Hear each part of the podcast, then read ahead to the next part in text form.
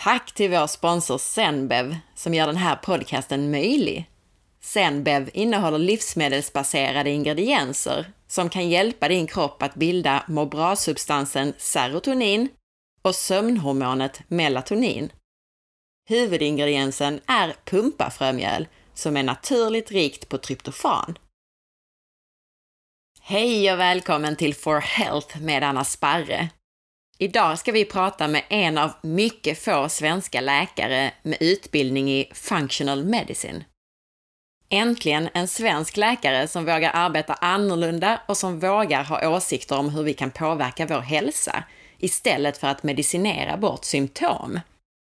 Och äntligen en läkare som vågar stå för detta och berätta om det.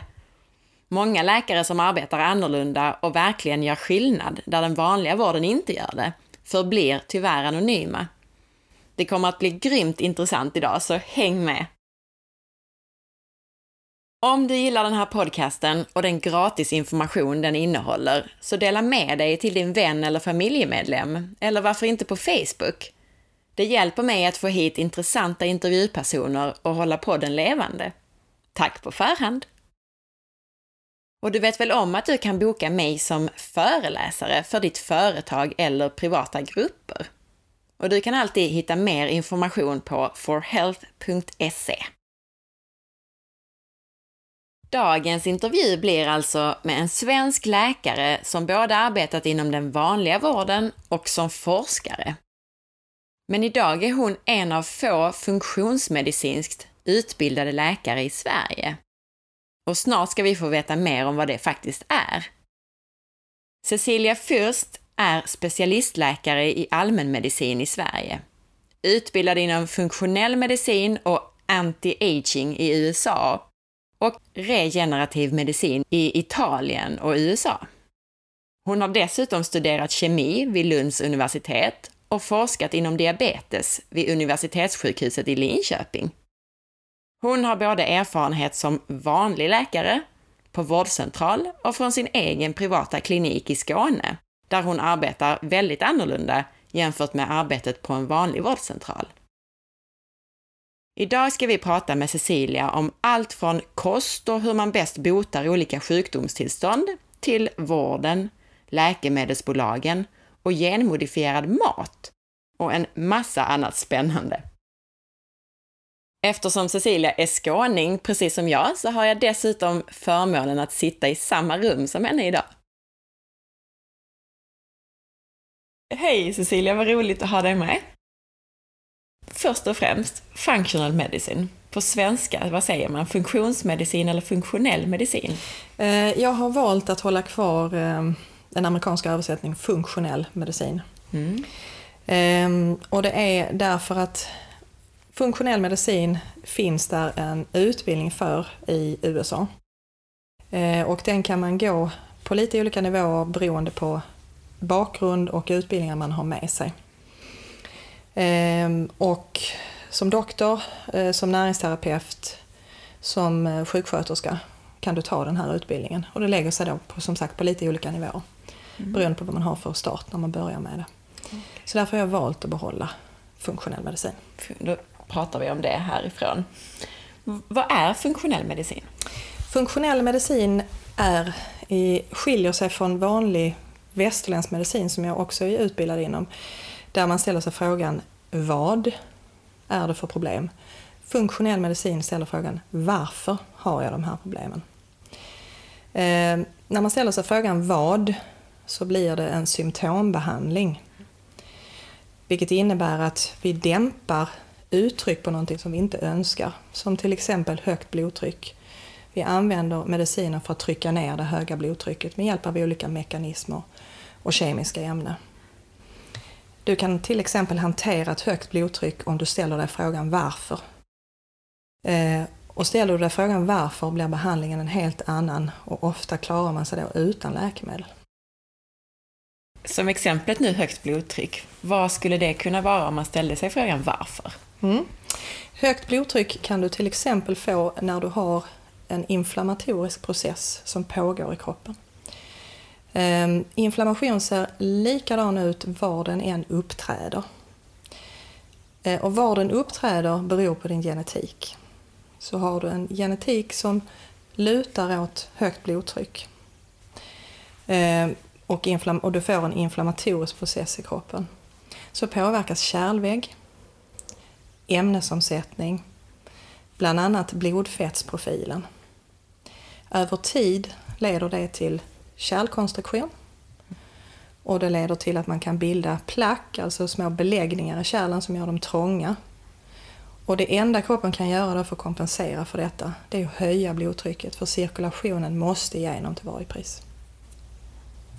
Mm.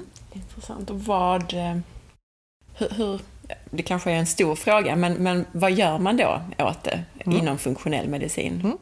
Då går man in och tittar på orsaken till inflammationen som har påbörjats i kroppen.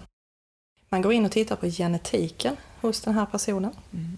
Finns det någon eh, krafter bakom detta som driver processen framåt? Eh, det kan till exempel vara insulinresistens, att du har svårt att ta hand om ditt socker. Eh, det kan vara att du har eh, inflammationen påverkar eh, ett speciellt system som har sitt ursprung i något som heter arachidonsyra.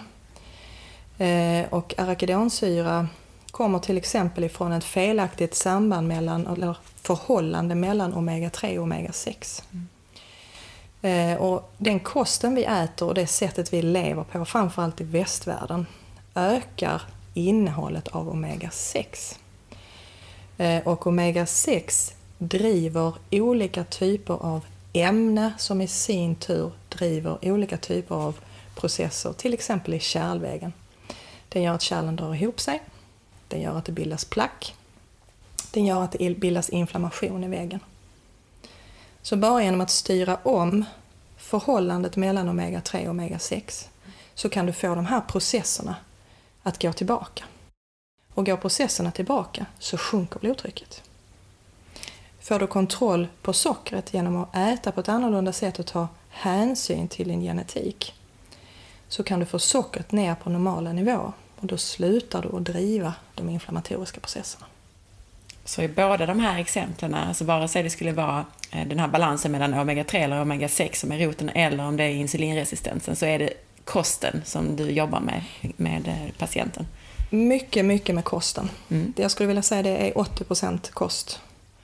Ehm, är det. Och mycket har blivit mer och mer att jag tar reda på genetiken bakom. Nu, ja precis, nu rullade jag vidare. Nu har vi nästan täckt hela, hela frågearsenalen redan de första frågorna. Men det var ett jätteintressant exempel, verkligen. Då fick vi på något sätt det konkreta bakom det. Hur många läkare finns det i Sverige som är utbildade inom funktionell medicin? Mm, det är jag som är färdigutbildad. Mm. Eh, sen har jag tre kollegor som är under utbildning. Eh, två till som kommer att bli färdiga nästa år blir det. Eh, och de kommer in i detta tillsammans med mig. Sen finns det en kollega som eh, också är inne i utbildningen och som har sin hemvist i Göteborg. Om man söker efter en, en funktionell medicinläkare så att säga, var hittar man dem? Eh, ja, man hittar, det är vi här i Sverige. Eh, där är... Men hur, om de nu bor i Göteborg till exempel, du, mm. du nämnde din kollega, mm. var, mm. var, eh, finns det någon hemsida eller så som de kan gå till? Eh, det finns där, man, man söker helt enkelt på funktionell medicin, mm. så kommer de upp som, eh, som eh, jobbar med detta. Gör de. Vi har ingen, I Sverige har vi ingen, du blir inte registrerad på de amerikanska sajterna förrän du är färdig med utbildningen. Mm. Eh, så att man kan alltid söka bakvägen för att få tag i den här typen av doktorer. Eh, och det är inte så vanligt än som sagt. Men det, är, det finns två sajter nu, det är min sajt och sen är det Peters sajt som heter Funkmed, tror jag hans heter. Mm. Och min heter Funktionell medicin. Om vi fokuserar på dig personligen ett tag då. Vad, vem är du och vad har du för bakgrund när det gäller det här med hälsa? Mm. Eh, min bakgrund är, jag har alltid varit intresserad av hur kroppen fungerar och kan hjälpa sig själv i olika typer av processer. Alltifrån mentala processer till eh, vad som får mig att må bra och att fungera på ett bra sätt. Eh, och jag kan säga att intresset väcktes ganska tidigt. Jag började med kampsporter när jag var i 12-årsåldern. 11-12. Ehm, och allt eftersom jag ändrade lite inriktning på vad jag tränade så kom jag i kontakt med eh, framförallt asiater eh, när jag började träna kung fu. Eh, och de har eh, en annan bakgrund och de har ju mycket i traditionell kinesisk medicin. Eh, och det väckte mitt intresse hur mycket man kunde göra med detta på en naturlig väg. Mm. Så att mitt intresse för eh, hur kroppen håller sig frisk på en naturlig väg väcktes egentligen i samband med mitt tränande. Eh, gjorde det. Mm. Sen bestämde jag mig för att ursäkta, eh, börja läsa kemi. Därför jag tänkte det var närmsta vägen in eh, att förstå processer och kunna jobba med detta på ett eller annat sätt. Ehm, och då läste jag kemi och cellbiologi i Lund. Ehm, och in i ungefär när jag hade läst i två år ehm, så hade vi en gemensam kurs med eh, läkarstudenterna. Eh, och då kände jag att om jag ska kunna arbeta med detta eh, på ett annat sätt så behöver jag bli läkare istället. Så då växlade jag bana och började läsa medicin. Och när jag hade läst medicin i två år Eh, så bestämde jag mig för att engagera mig i forskning och då började jag faktiskt med diabetes och insulinresistens. Så där har jag lite artiklar som jag har gjort och lite studier som jag har gjort. Och där var jag ute efter grundmekanismer, hur cellerna fungerar i grunden. Och det i sin tur väckte mitt intresse när jag såg att man kunde påverka de här mekanismerna på ett helt annat sätt än med läkemedel. Eh, och då blev jag frustrerad över att jag fick inte den utbildningen som jag ville ha här. Därför att man fokuserar inte så mycket på grundmekanismerna utan det var mer vad du kunde göra åt olika sjukdomstillstånd när sjukdomen väl fanns där. Eh, och det gjorde att jag började söka efter andra typer av utbildningar eh, runt om och eh, då hittade jag det, då åkte jag på en konferens i USA och bekantade mig med människor som jobbar på ett lite annorlunda sätt och också på ett eller annat sätt hade känt att det här räcker inte hela vägen fram utan man kan göra så mycket mer. Eh, och det första stället jag började min utbildning på är något som kallas för A4M. Eh, och det är, den gamla beteckningen där heter Anti-Aging and Functional Medicine. De har nu växlat över till något som kallas för Metabolic Medicine. Eh, och ursprunget till detta är egentligen Human Genome Project. För forskningen där har lett fram till att vi kan titta på grundmekanismer och ju mer vi tittar, ju mer ser vi att det är individuellt, det är, drivs av det vi omger oss med, det vi äter, det vi andas, det vi dricker. Ehm, så att där gick jag min första utbildning. Ehm, och sen eh, kom jag i kontakt med eh, en annan institut som heter Institute for Functional Medicine. Uh, och jag kände att för att få så mycket som möjligt att stå på när man kommer tillbaka till Sverige så vill jag ha båda de utbildningarna som fanns att få. Så därför läste jag även det. kan man tycka är lite tråkigt. Välutbildad, ja. Men eh, ska man jobba med detta eh, så behöver man en bra bas att stå på. Mm. Och jag har haft lättare för att göra detta för jag har en kemibakgrund. Så för mig har inte detta varit ett så stort hinder, för jag har kunnat mina bakomliggande processer. Så det har varit lättare mm. för mig att förstå sammanhangen och sätta ihop det i en helhet. Vi har ju eller du har nämnt kosten nu ett par gånger, dels i det tidigare exemplet och precis nu också. Ehm, och lyssnarna här är väldigt intresserade av hälsa, framför allt då kring just kosten. Mm. Vad, jag tänkte, vad äter du själv för någon mm. sorts kost? Eh, jag äter ganska likt eh, paleokost, men med ganska mycket inslag av raw food. Så jag kör en kombination mm. Eh, av de två. Jag tror att många av lyssnarna äter just lite så paleolitisk, eh, lite LCHF-aktigt också. Hur kommer det sig, den här raw food-biten, mm. vad, vad, vad ger den tillskott av så att mm. säga? Eh, raw food, där får du icke processade födoämnen, men den kräver att du har fungerande mag-tarmkanal. Så att det är ingenting jag brukar rekommendera i första hand, eh, därför att de flesta du möter och träffar har en väldigt dysfunktionell mag-tarmfunktion. Mm. Eh, och de klarar oftast inte av råa, rena näringsämnen för de har inte förutsättningar att bryta ner dem i sina beståndsdelar. Eh, men när du har återställt funktion så får du mer ut av den typen av mat om du klarar av att lägga in ganska mycket grundbeståndsdelar, alltså utan process, utan upphettning, utan att du egentligen gör någonting med maten. Och det är just de här mikronäringsämnena jag egentligen är ute efter med, eh, med raw food-biten. Så det är ett, ett komplement egentligen till eh, paleomaten.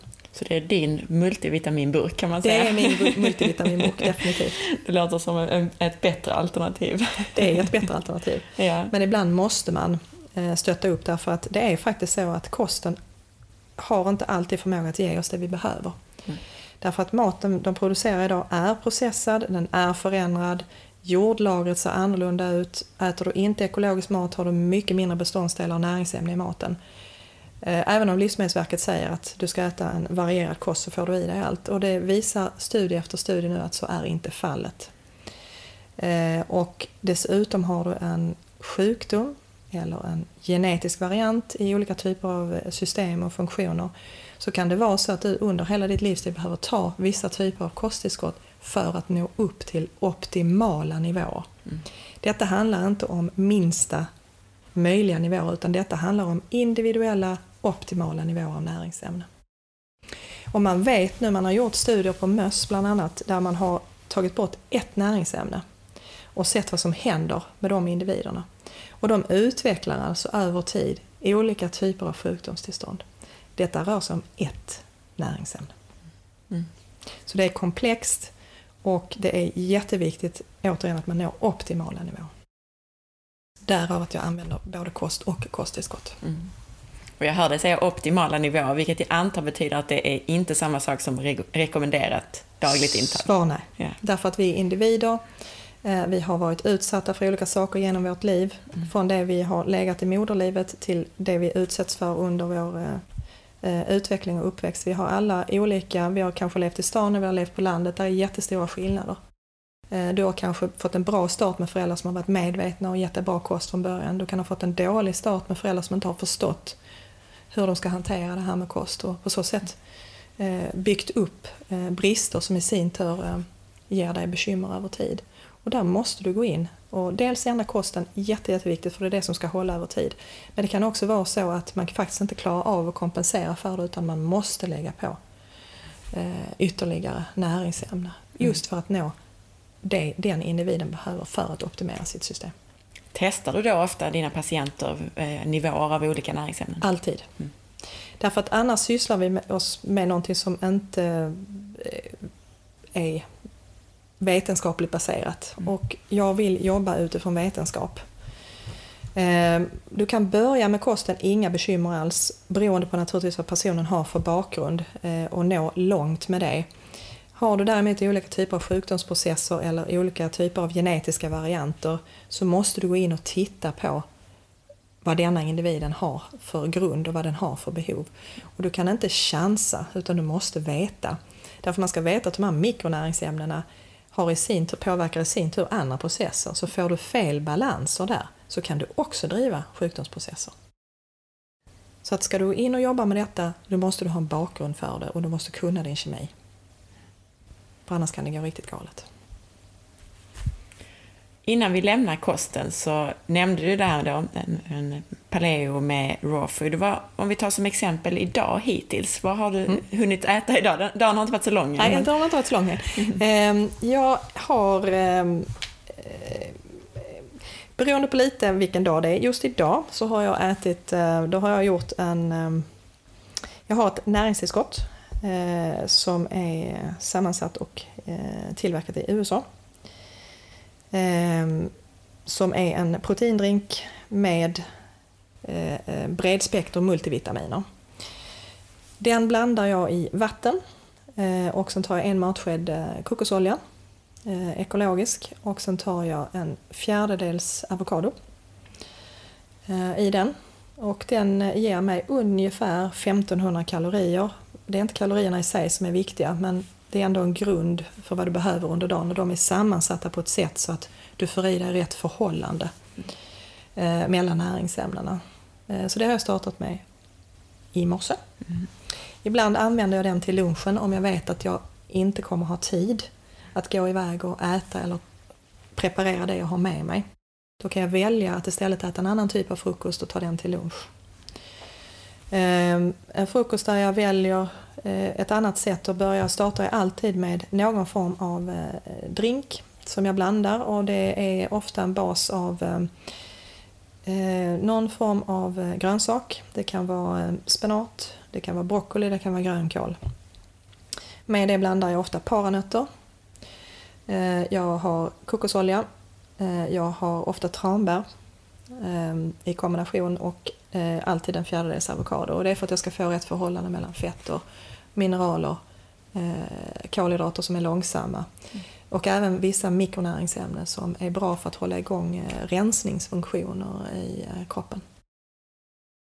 Paranötterna, är det selenet framförallt du vill åt? Eh, både selenet men också faktiskt sammansättningen av aminosyror i paranötterna är gynnsamma. Mm. Och jag brukar blötlägga mina nötter för att slippa fytinsyra. Bra, många bra tips.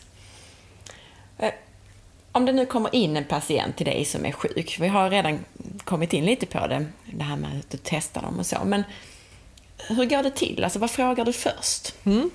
Eh, innan patienterna kommer till mig eh, så har de fyllt i ett eh, ganska så uttömmande kompendium. Eh, där jag ställer i stort sett hur mycket frågor som helst.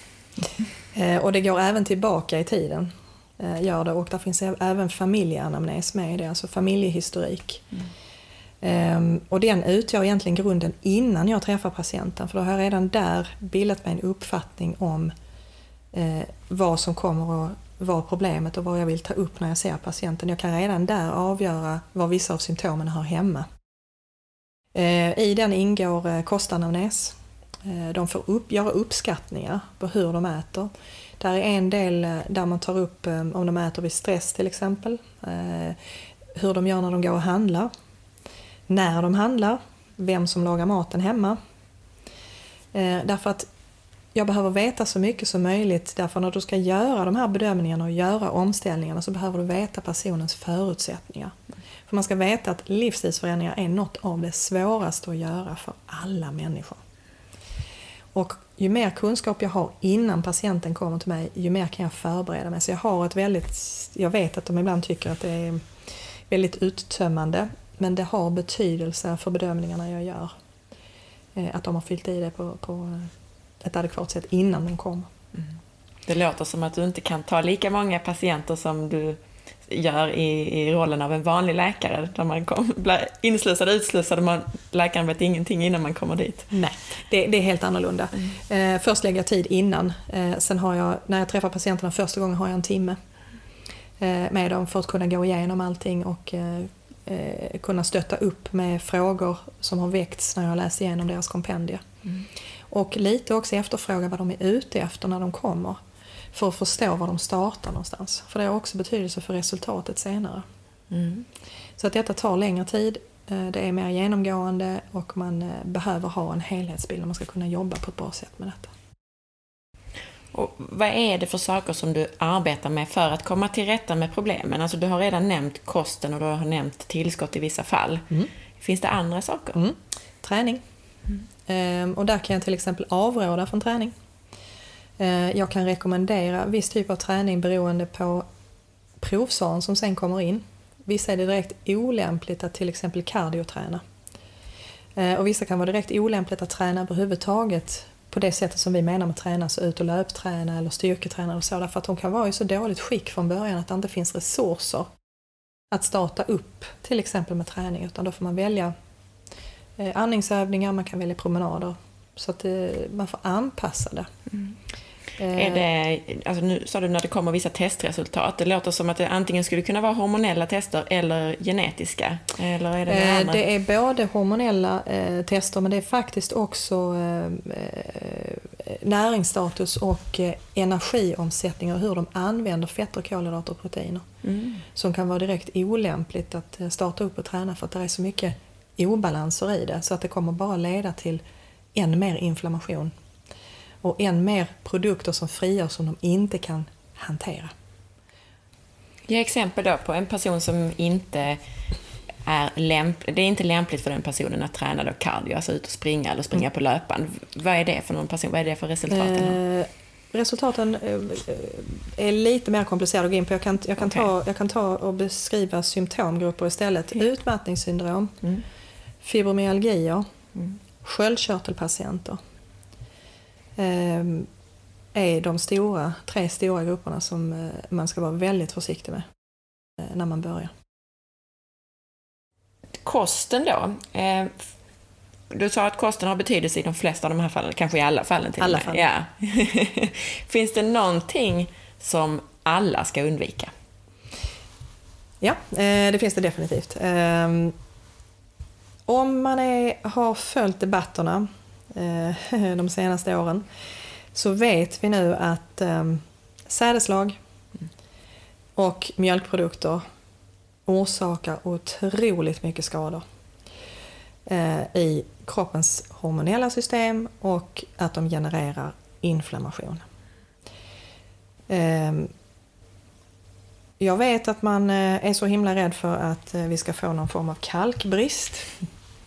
Eh, Och där är nog den största myten jag någonsin har hört talas om.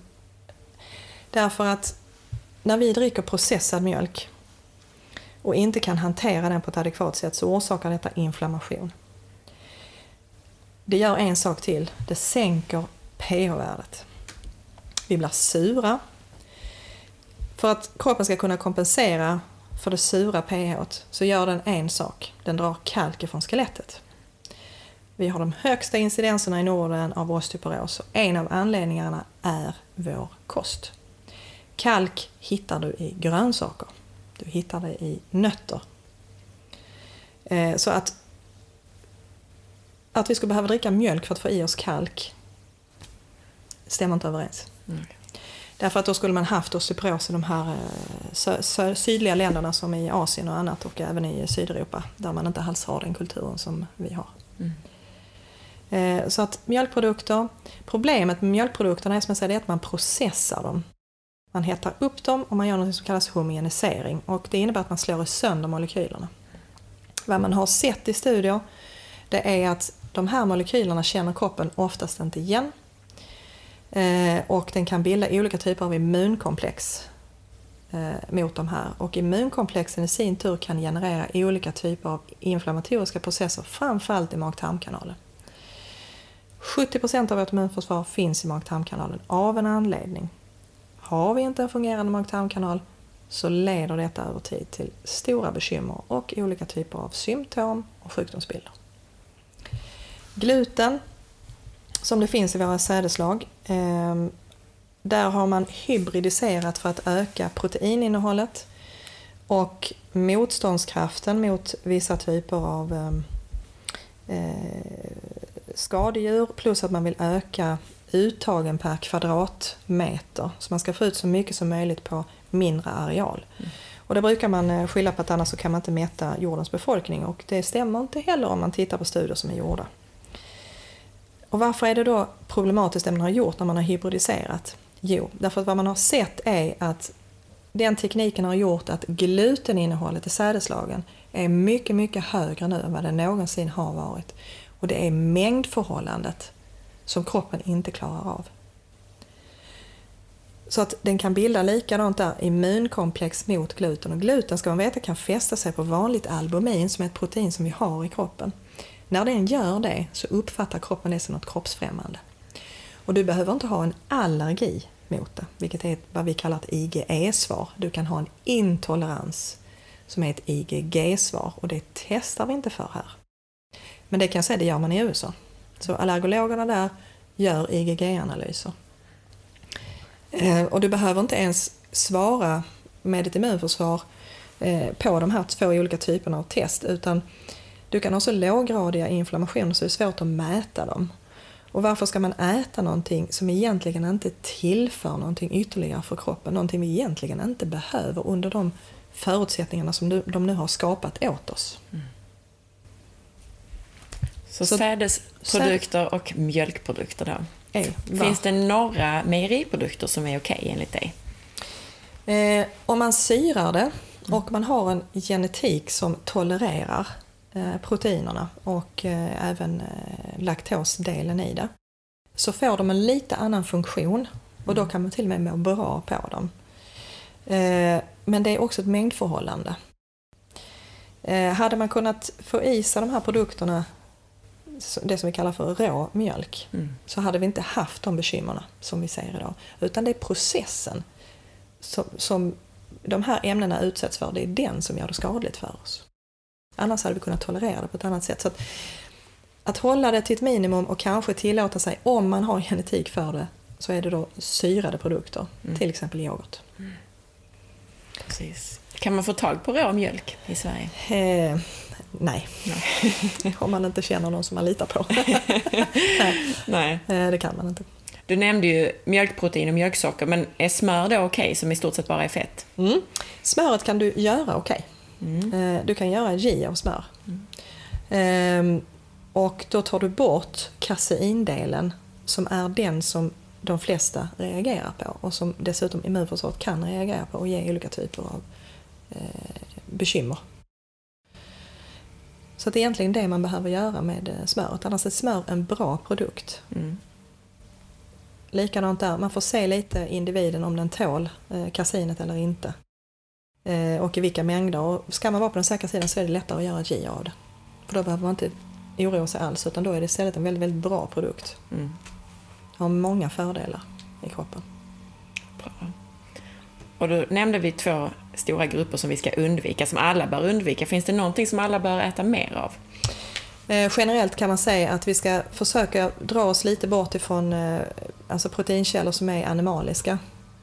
Inte lägga så stor tonvikt eh, vid de animaliska proteinerna utan försöka växla lite mer mot vegetarisk kost. Och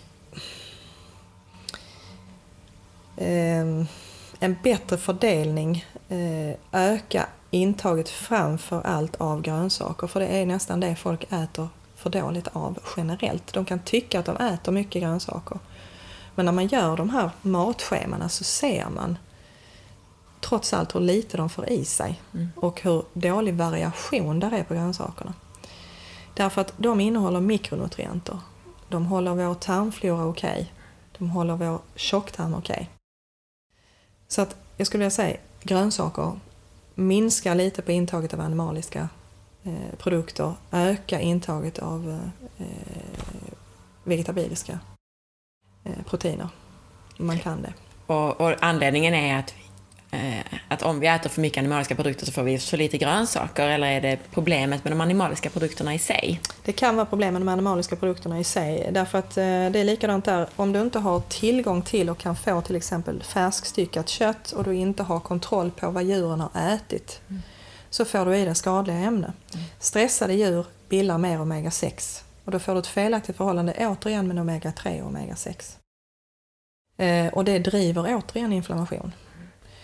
Så att ett sätt då är att välja mer vegetariska produkter för att minska om du inte kan styra vilken typ av kött du får i dig. För kött är bra, men du måste ha det från bra källor och du måste ha det från en bra produktion. Mm. För processat kött är inte särskilt nyttigt för kroppen. Så mer vegetariskt och det kött man väljer ska då vara från Hög kvalitet. Hög kvalitet. Ja. Hög kvalitet. Vilt, naturbetande, är det sådana produkter? Vilt, naturbetande ehm, och gärna från... Det, det börjar komma upp igen, alltså mindre slakterier där man inte har transportsträckorna, där du inte stressar djuren. Ehm, och eh, där de ofta faktiskt eh, styckar på plats också så att du kan få dem vakuumförpackade direkt och hem. Så att man försöker korta alla de här stegen plus att de inte sprutar i vare sig vatten eller nitriter. Mm. Nitrit är cancerframkallande, det vet man. Eh, och räknar man på mängden människor sätter i sig eh, med de här olika typerna av konserveringsmedel så är det ganska höga mängder. Mm. Men om du köper en vanlig köttbit på ICA så är det ju, alltså det är väl oftast i charkprodukterna som du hittar nitriter? För det måste väl Mm. sättas ut, eller fuskas det med det? Inte, alltså det vet jag inte. Alltså man kan säkert fuska med det mesta men det är ingenting som jag har satt mig in i så det kan jag inte uttala mig om. Men eh, många av de här produkterna som man är, alltså som salami eller eh, olika typer av köttprodukter så gör man ju olika beredningar och bearbetning. Så där hittar du absolut mest konserveringsmedel i dem. Mm. Ja. Jag tror att man till och med måste tillsätta nitriter och eh, Absolut. antioxidanter. Ja. precis. Det måste man göra för att annars blir det inte ätbart och då blir det farligt av den anledningen. Så att allting, allting handlar om en balans. Mm. Eh, gör det och välja sina tillfällen. Det är inte att man ska avstå från det men man, kan, man ska kanske minimera det. Och vara mer medveten i sina val och hur ofta man gör valen. För kroppen kan hantera gifter. Men du får inte överbelasta den. Det är då det blir bekymmer. Ja. Kan du, alltså nu sa du att man fyller i och, och du får liksom hela historien eh, från patienten, men kan du genom att titta på en patient ibland se vad problemet är? Så att Absolut. eh, absolut. Eh, det är en, en bortglömd konst. Eh, är det. Och jag har haft turen och haft otroligt duktiga kliniker eh, som har eh, lärt upp mig både i Sverige och i USA. Eh, och jag kan säga, bara genom att titta på tänder, tunga, eh, ansikte, hudfärg, värme, kyla. eh, Du kan göra olika typer av eh, reaktionsmönster i hud och annat. Så kan du göra, dra ganska så eh, fantastiska slutsatser. Och får du sen resultaten från prover och annat så kan du backa upp det du ser på din undersökning med resultaten. Häftigt. Så att det kanske främst är då ett sätt att se vad du vi ska testa, eller? Absolut. Mm. Mm. Absolut. Vilken sorts patienter kommer typiskt till dig? Mm. Det kan vara allt ifrån folk som eh, vill veta deras, alltså vad ska man säga, göra en slags hälsokontroll, men en hälsokontroll som ger dem mer information och mer förståelse för vad just de som individer ska göra.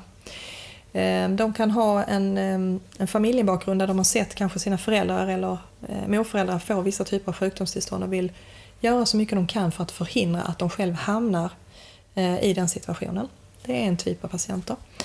Eh, det kan vara folk som är väldigt idrottsintresserade som vill veta om de kan, vad de kan göra för att optimera och vad, hur de ska äta, hur de ska träna. Ehm, där kommer naturligtvis patienter med olika typer av sjukdomstillstånd. Eh, det är alltifrån eh, högt blodtryck, diabetes, sköldkörtelbesvär är ganska många. Värktillstånd, mag-tarmpatienter som har fått diagnosen IBS, alltså irriterad tarm och eh, inte så mycket mer råd egentligen, mer än råd som de upplever inte fungerar. Eh, så det är väl den vanligaste eh, patientkategorin. Jag får en del barn eh, med tillväxtproblem eh, som har bekymmer med eh, koncentrationssvårigheter till exempel, eh, ADHD, ADD som inte gärna vill eh, medicinera och undrar om det är någonting annat som kan ligga i bakgrunden och, och ge barnen de här symptomen, om det är någonting man kan påverka där och förbättra för att minska symptomen. Det är väl de vanligaste eh, patientkategorierna som eh, kommer. Mm. Och sköldkörtel nämnde du nu igen och det har du nämnt innan också. Vad beror det stora antalet personer med sköldkörtelbesvär på och varför är det så vanligt? Mm.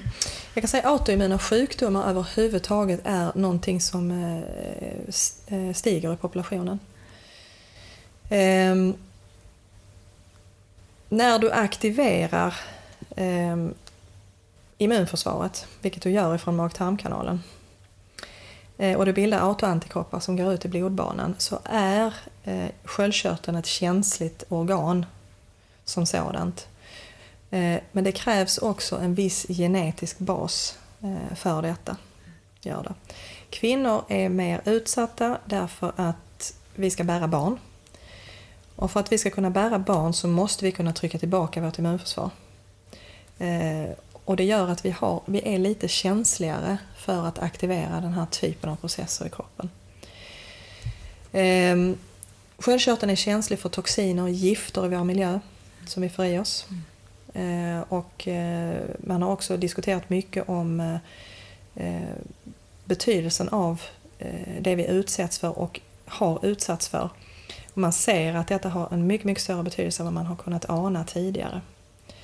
Eh, och I USA har man en specialitet som heter Environmental Endocrinology. Det innebär alltså eh, ämnesomsättningsrubbningar som beror på störande ämnen som finns i vår miljö. Och den får vi i oss genom bekämpningsmedel från kosten, GMO, alltså genmodifierade produkter, gifter i inandningsluft, miljön du lever i dagligen och utsätts för.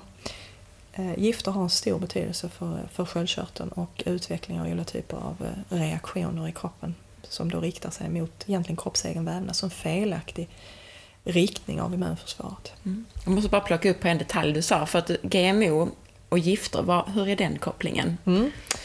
Eh, vad man har gjort eh, är att när du ska kunna få mycket pengar ut på stora arealer och för att det ska kunna gå fort och för att du ska minska risken att förlora eh, din växt till exempel eh, så har man eh, modifierat fram grödor eh, som är kopplade med vissa typer av bekämpningsmedel så de går hand i hand. Så att man har förändrat genetiken i grödorna för att den ska bli mer motståndskraftig plus att den ska tåla vissa typer av väldigt giftiga bekämpningsmedel. Så utvecklingen av GMO går hand i hand med bekämpningsindustrin. Eh, och det är ganska otäckt om man börjar titta på eh, faktiskt vad GMO-födorna gör och jag vet att detta är kontroversiellt eh, och jag vet att eh, det är mycket diskussioner runt detta men tittar man på studierna som är gjorda eh, så tycker jag inte att man ska ta risken att utsätta oss för någonting som vi faktiskt inte vet konsekvenserna av om man tittar tio år framåt. Ehm, Ehm, därav faran med GMO. Där finns väldigt snygga gjorda studier. Man ska veta att den forskning som finns på GMO är ofta tre månader åt gången därför att efter sex månader så börjar man se förändringar i DNA. Mm. Tumörutveckling och annat eh, i kroppen och eh, det finns en anledning till varför de håller studietiderna väldigt korta. Mm. För det är företagen själva som gör de här studierna då? Företagen själva som gör dem. Och ska man vara riktigt ärlig så ska man veta att ett av de största och värsta företagen är Monsanto. Mm. Monsanto är ett gammalt läkemedelsföretag, det är en avknoppning av Pfizer. Eh, AstraZeneca är också ett företag som har hållit på med miljögifter. Det här går tillbaka sen den här typen av eh, företag bildades. Eh, och det ligger utanför vår kontroll. Det enda vi kan kontrollera är att säga nej till att välja någonting annat. Eh, och jag kan inte rekommendera med de studierna som finns mm. Eh, fram till nu. Och de studierna som är gjorda som, som talar emot det är faktiskt gjorda av oberoende forskare som är utanför systemet som har eh, ofta gått i pension och annat därför att de är inte beroende längre av att eh, bedriva forskning som eh, sponsras av någon annan. Så man ska vara försiktig och man ska kritiskt granska allting. Och återigen, jag tror inte att vi behöver göra detta för att föda jordens befolkning. Vi slänger otroligt mycket mat så det handlar om resursfördelning snarare än att vi ska behöva sprida gifter i vårt, på vår jord som vi sen faktiskt inte kan hantera och som faktiskt kan leda till att vi inte kan äta maten. Ja. Nu spårade jag ur oss lite från, eh, från mm. det här ursprungliga som handlade om sköldkörteln och direkt när jag nämnde sköldkörteln så sa du autoimmunitet. Är det alltid autoimmunitet när vi pratar sköldkörtel eller är det, är det oftast det eller hur kom vi in på det? Eh, när en sjukdomsprocess händer så måste det vara någonting som aktiverar ett onormalt svar i kroppen. Eh, och gifterna som sådana kan själv generera en toxisk reaktion i sköldkörteln så den behöver inte gå via vårt immunförsvar utan de kan ha eh, potential i sig som gift. Så att när giftet blir tillräckligt ackumulerat, alltså ansamlat i sköldkörteln, så kan det i sin tur leda till att sköldkörteln inte klarar av eh, sina processer längre. Därför att celldelar och annat dör på grund av giftet den har utsatts för. Mm. Aspartam är ett sådant ämne. Det fanns en, en eh, eh stämning i USA när det var en kvinna som hade jobbat med aspartam som sen blev väldigt sjuk i, eh, i sköldkörtelbesvär. Hon har försökt driva denna processen. Eh, så att ett sådant vanligt ämne. Vi pratar alltså sötningsmedel? Vi pratar sötningsmedel. Mm. En av mina andra saker som jag absolut inte vill att folk ska stoppa i sig. Mm. Kan det vara en av anledningarna till att det, det känns som att sköldkörtelbesvär ofta är ett kvinnoproblem? Och du nämnde graviditet, men kan det vara att man dricker mer sötnade drycker? Absolut, och så mm. tror man man är nyttig när man dricker lightprodukter. Mm. Jag kan säga att det är allt annat än nyttigt. Stay away, håll ifrån dig. Kroppen ska ha saker den känner igen. Mm. Det vi ämnade, inte kemiska ämnen. Eh, det innehåller klorföreningar, det innehåller fenylalanin, eh, vilket vi använder i till exempel när vi ska eh, konservera saker och titta på det i mikroskop. Och det stoppar folk frivilligt i sig. Men om man nu väl har drabbats av underfunktion i sköldkörteln, vad är det viktigaste en sån person kan göra? Det viktigaste en sån person kan göra är faktiskt att ändra sin kost. Det är det. Till den kosten du redan har berättat Ja. om? Mm. Eh, Det är det. Därför att du ska, och till och med lite extra. eh, Därför att man vet att eh, bönor och annat innehåller lektiner som vissa personer kan ha väldigt, väldigt svårt att bryta ner. Och framförallt personer med sköldkörtelbesvär. Eh, Vissa typer av födoämne orsakar inflammation i kroppen, framförallt sånt som växer under jord. Eh, Och det kan de också vara känsliga för. Så att där finns en, vad ska man säga, en variant på Paleon som är eh, minskar risken för att utsätta kroppen för inflammationer som är genererade av eh, kostbetingelser som de inte klarar av att hantera. Så att det är ytterligare ett steg på, eh, på paleokosten där som man kan ta för att ytterligare förbättra för eh, sköldkörtelpatienterna. Mm. Jättebra. Du nämnde även värk och du har eh, till mig tidigare innan den här intervjun så har du nämnt att du ofta har reumatiker som kommer till dig. Mm. Hur, hur kommer det sig att man drabbas av reumatism? Mm. Eh, Jag kan säga att egentligen alla våra kroniska sjukdomar har sitt ursprung i inflammation. Vilken typ av sjukdomar du får har med din genetik att göra. Så att du måste ha en genetisk bas, en genetisk känslighet för att kunna drabbas av till exempel reumatism. Du behöver inte drabbas av det. Därför att du kan leva på ett sätt så att du minskar risken för att drabbas av det. Men du har en genetisk bas för det. Eh, och sen är det återigen där, det du utsätts för, det kan vara en infektion. Vissa ty- typer av bakterier kan dra igång eh, eh, en immunologisk reaktion som sen angriper dina leder. Eh, även parasiter eh, kan ha orsaka den typen av eh, besvär.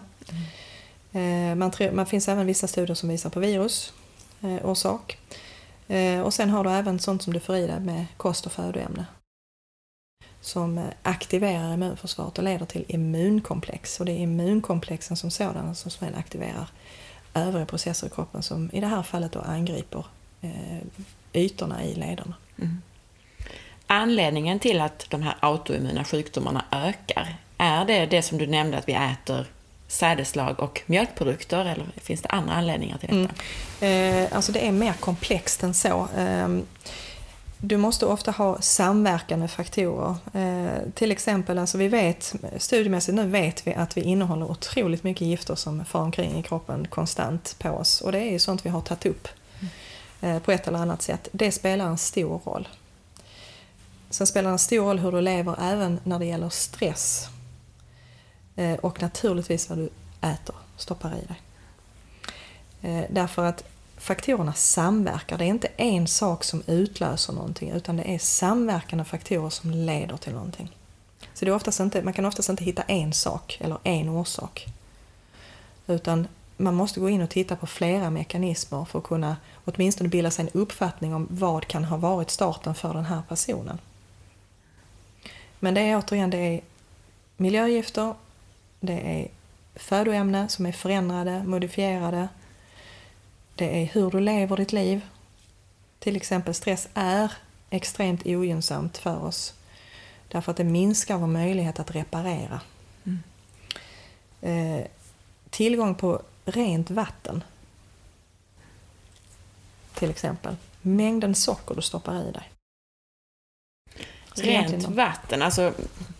Jag vet, amerikaner pratar ju mycket om det, men där, jag, man brukar ju prata om att vi i Sverige har ett bättre vatten än vad man har i USA. Men anser du att vi behöver filtrera vårt vatten här hemma? Svar ja. Mm. Eh, där finns läkemedelsrester och eh, där finns rester av eh, bekämpningsmedel och annat eh, som läcker inifrån jordbruk. Eh, så att eh, jag renar mitt vatten. Mm. Hur gör du det? Måste jag fråga. Använder du ett filter som du sätter på kranen eller har du såna här Brita-kannor och såna här Mm. saker? Bara? Jag har köpt, eh, jag har ett system som jag köpt ifrån eh, USA. Mm. Eh, Just därför att de är, de är längre komna av den enkla anledningen att de har ett större bekymmer än vad vi har. där finns ett Göteborgsföretag, alltså ett, en produkt som kommer komma från Chalmers nu som, är, som verkar vara fantastiskt bra. Och jag kan säga inte från det kommer, kommer jag att sätta in det i min vattenanläggning för att det, det är inte, de håller inte tillräckligt hög kvalitet än. Det kommer att komma. Men därav har jag valt den här andra amerikanska lösningen så att jag har eh, stora filterkannor hemma. När det gäller vanliga läkare i Sverige, eller ja, egentligen i hela världen då, eh, så, så uppfattar jag det som att ny forskning när det gäller kost och hälsa inte riktigt når fram. Eh, alltså stämmer det och vad beror det i så fall på? Mm. Eh, vad man kan säga, där är ett, där är ett skifte eh, på gång. Eh, man kan säga det är egentligen delat i två läger. Eh, ett läger som är för att vi måste göra någonting åt miljön och situationen vi lever i för att man ser en exponentiell förändring i vissa typer av sjukdomstillstånd och man har tillräckligt mycket bevis nu för att det är genererat av hur vi lever, hur vi äter, vad vi utsätts för. Och sen har vi den andra sidan som står kvar vid att fortsätta hantera saker som vi alltid har gjort. Ehm, bakom detta står naturligtvis ekonomiska intresse. Att ställa om ett jordbruk, att ställa om en industri kostar otroligt mycket pengar. Eh, och investeringar och sånt är gjorda och eh, jag har full förståelse för att eh, eh, det måste gå över tid. Men jag tror mycket handlar om eh, ekonomi egentligen i bakgrunden och att bevaka, tyvärr bevaka positioner på olika sätt. Mm. Men när enskilda läkare rekommenderar diabetiker att äta som vanligt och ta medicin, är det läkarens okunskap eller är det, vad beror det på så att säga? Eh, det är egentligen, alltså man får eh, påbud att så här hanterar vi vissa saker. Mm. Eh, man får rekommendationer och de rekommendationerna är då, eh, som man säger, gjorda på en vetenskaplig bas. Men den vetenskapliga basen kan variera beroende på vilka studier du väljer ut mm. att basera dina åsikter på. Eh, och i Sverige har vi en tradition av ehm, eh, att vara lite bakåtsträvande. Eh, att eh, vänta in eh, saker och ting och gärna göra egna studier själv även om det finns resultat för det. Eh, det är säkrare och tryggare att göra det man alltid har gjort.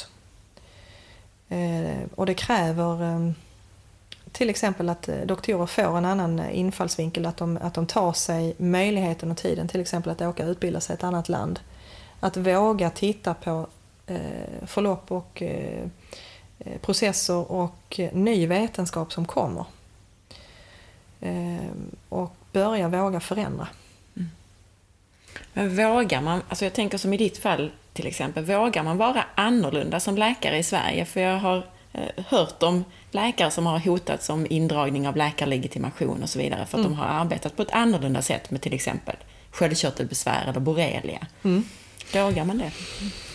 Eh, du ska alltid se till att ha en veten, vetenskaplig bas för allting du gör. Mm.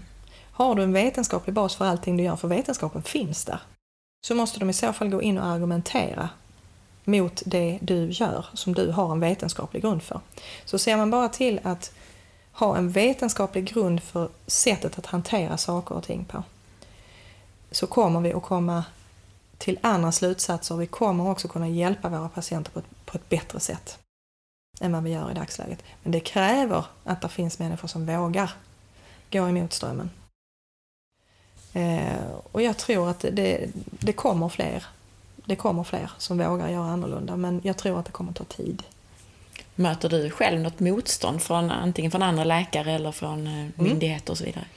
Eh, där, finns, där finns faktiskt, det är ganska roligt, det finns både motstånd och inte. Det finns de som tycker det är jättespännande och intressant. Du ska veta att det finns många forskare inom detta även i Sverige. Eh, och eh, där de ser de här positiva resultaten.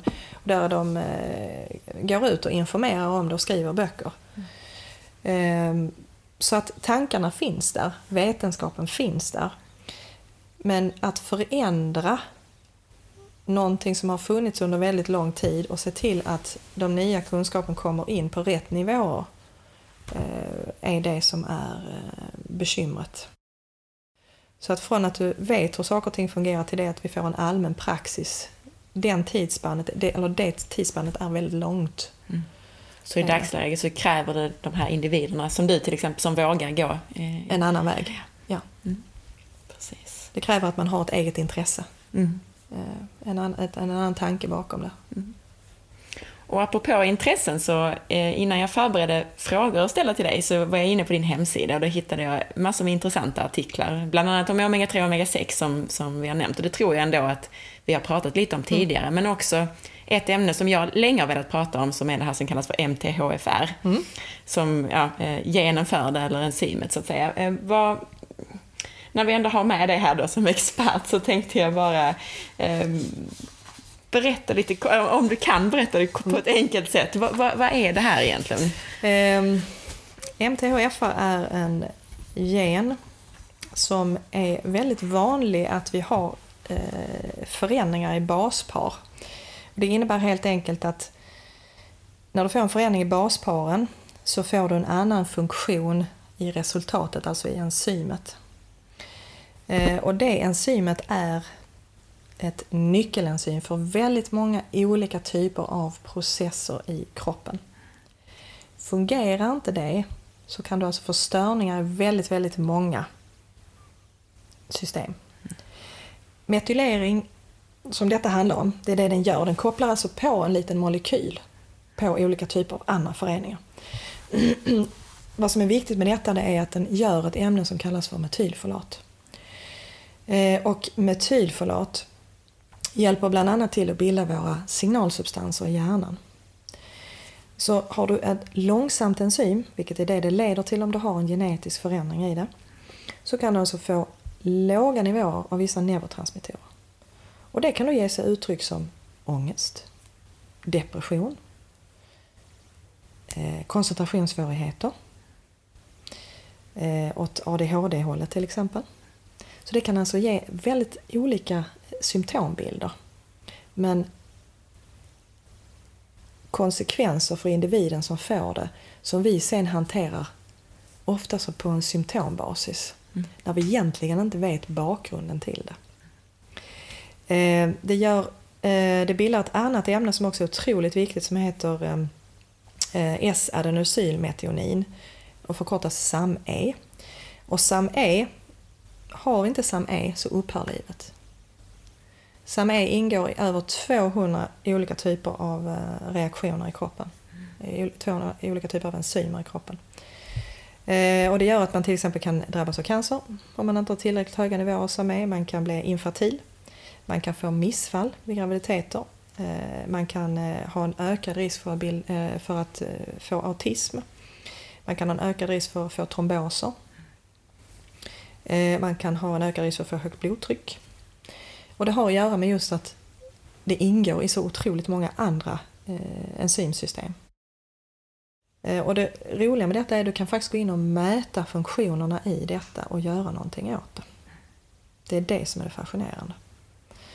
Eh, eftersom det har så djupgående konsekvenser för att, hur vi ska hålla oss friska. Eh, inom den vanliga medicinen så ger vi ju eh, folacin och folacin är folsyra och det är en inaktiv form. Har du då den här genetiska förändringen så kommer inte folsyran in i tillräckligt hög mängd och kan bilda det här metylfolatet.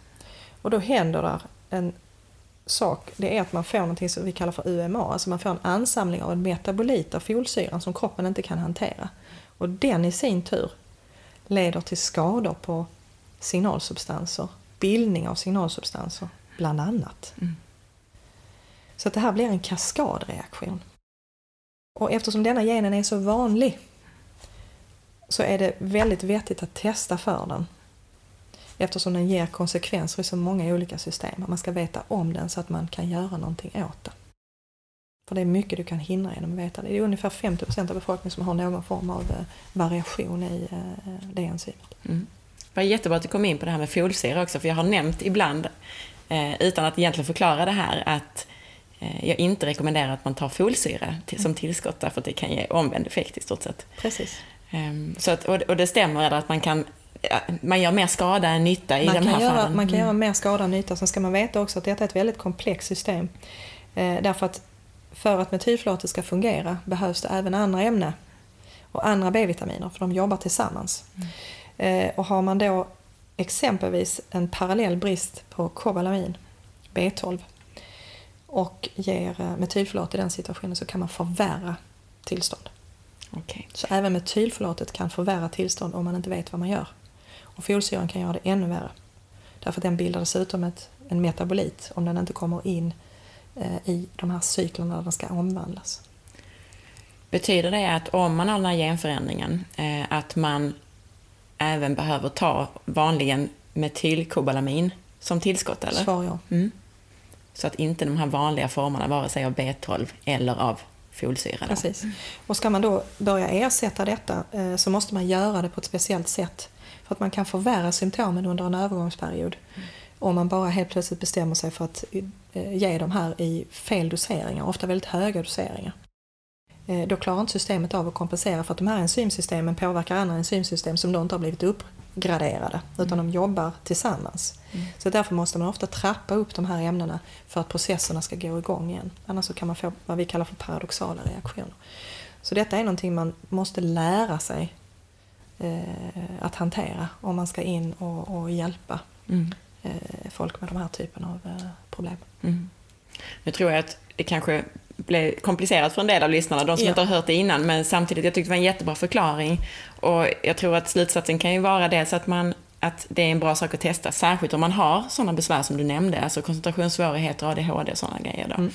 Mm. Eh, och för det andra då, ja, min fråga till dig är ju, är det inte vansinnigt att man rekommenderar folsyra till alla gravida?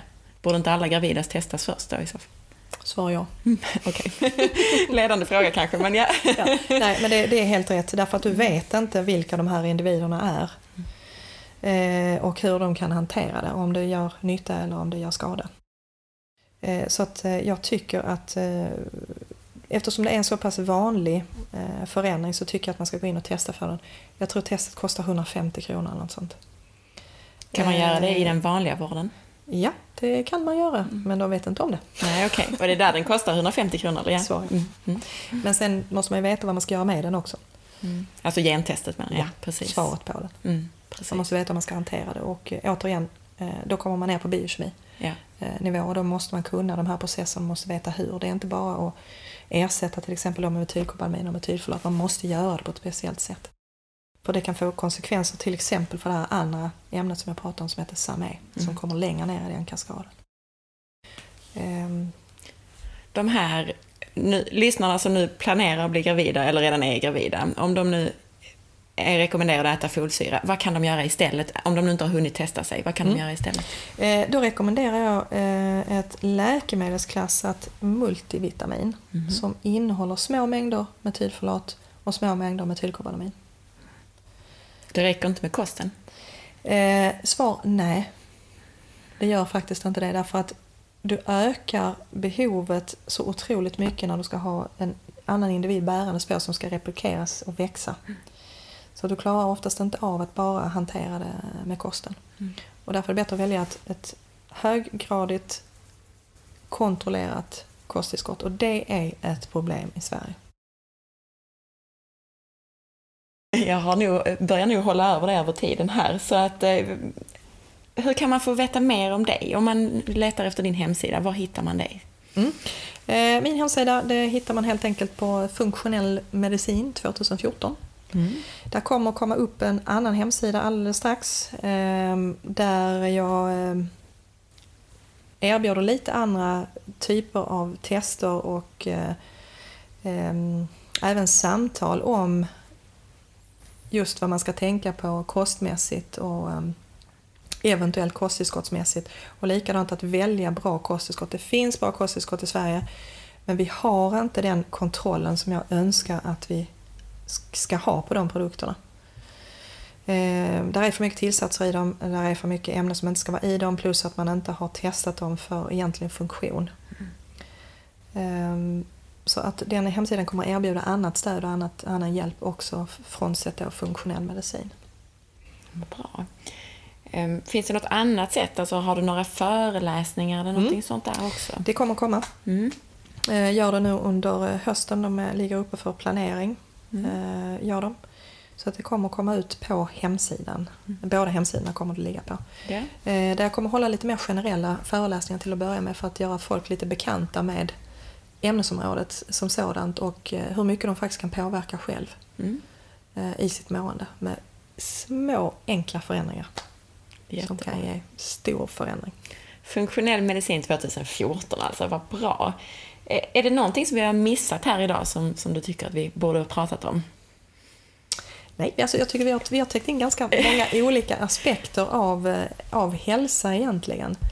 Eh, och likadant en förståelse för att det här är komplext. Eh, och väckt tankar och funderingar eh, hos människor. Jag hoppas också att människor ska börja fundera lite och ifrågasätta vad, vad som händer runt omkring oss och vilka valmöjligheter vi har.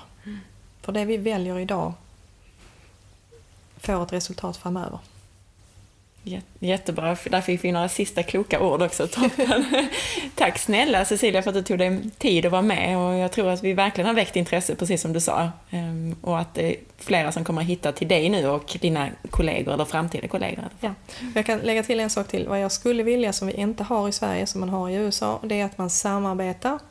Läkare, näringsterapeuter, eh, olika typer av kroppsterapeuter, eh, beteendevetare och psykologer. Därför att detta handlar om hela människan. Så det är, det är ett önskemål jag har och det är en tanke jag har framöver nu när jag börjar få igång de andra processerna i det jag själv jobbar med. Att få in ett nätverk helt enkelt där vi kan hjälpas åt i detta. Jag tror det är jätte, jätteviktigt. Jättebra. Tack snälla. Tack själv, tack för att jag fick komma. Ja, roligt. tack.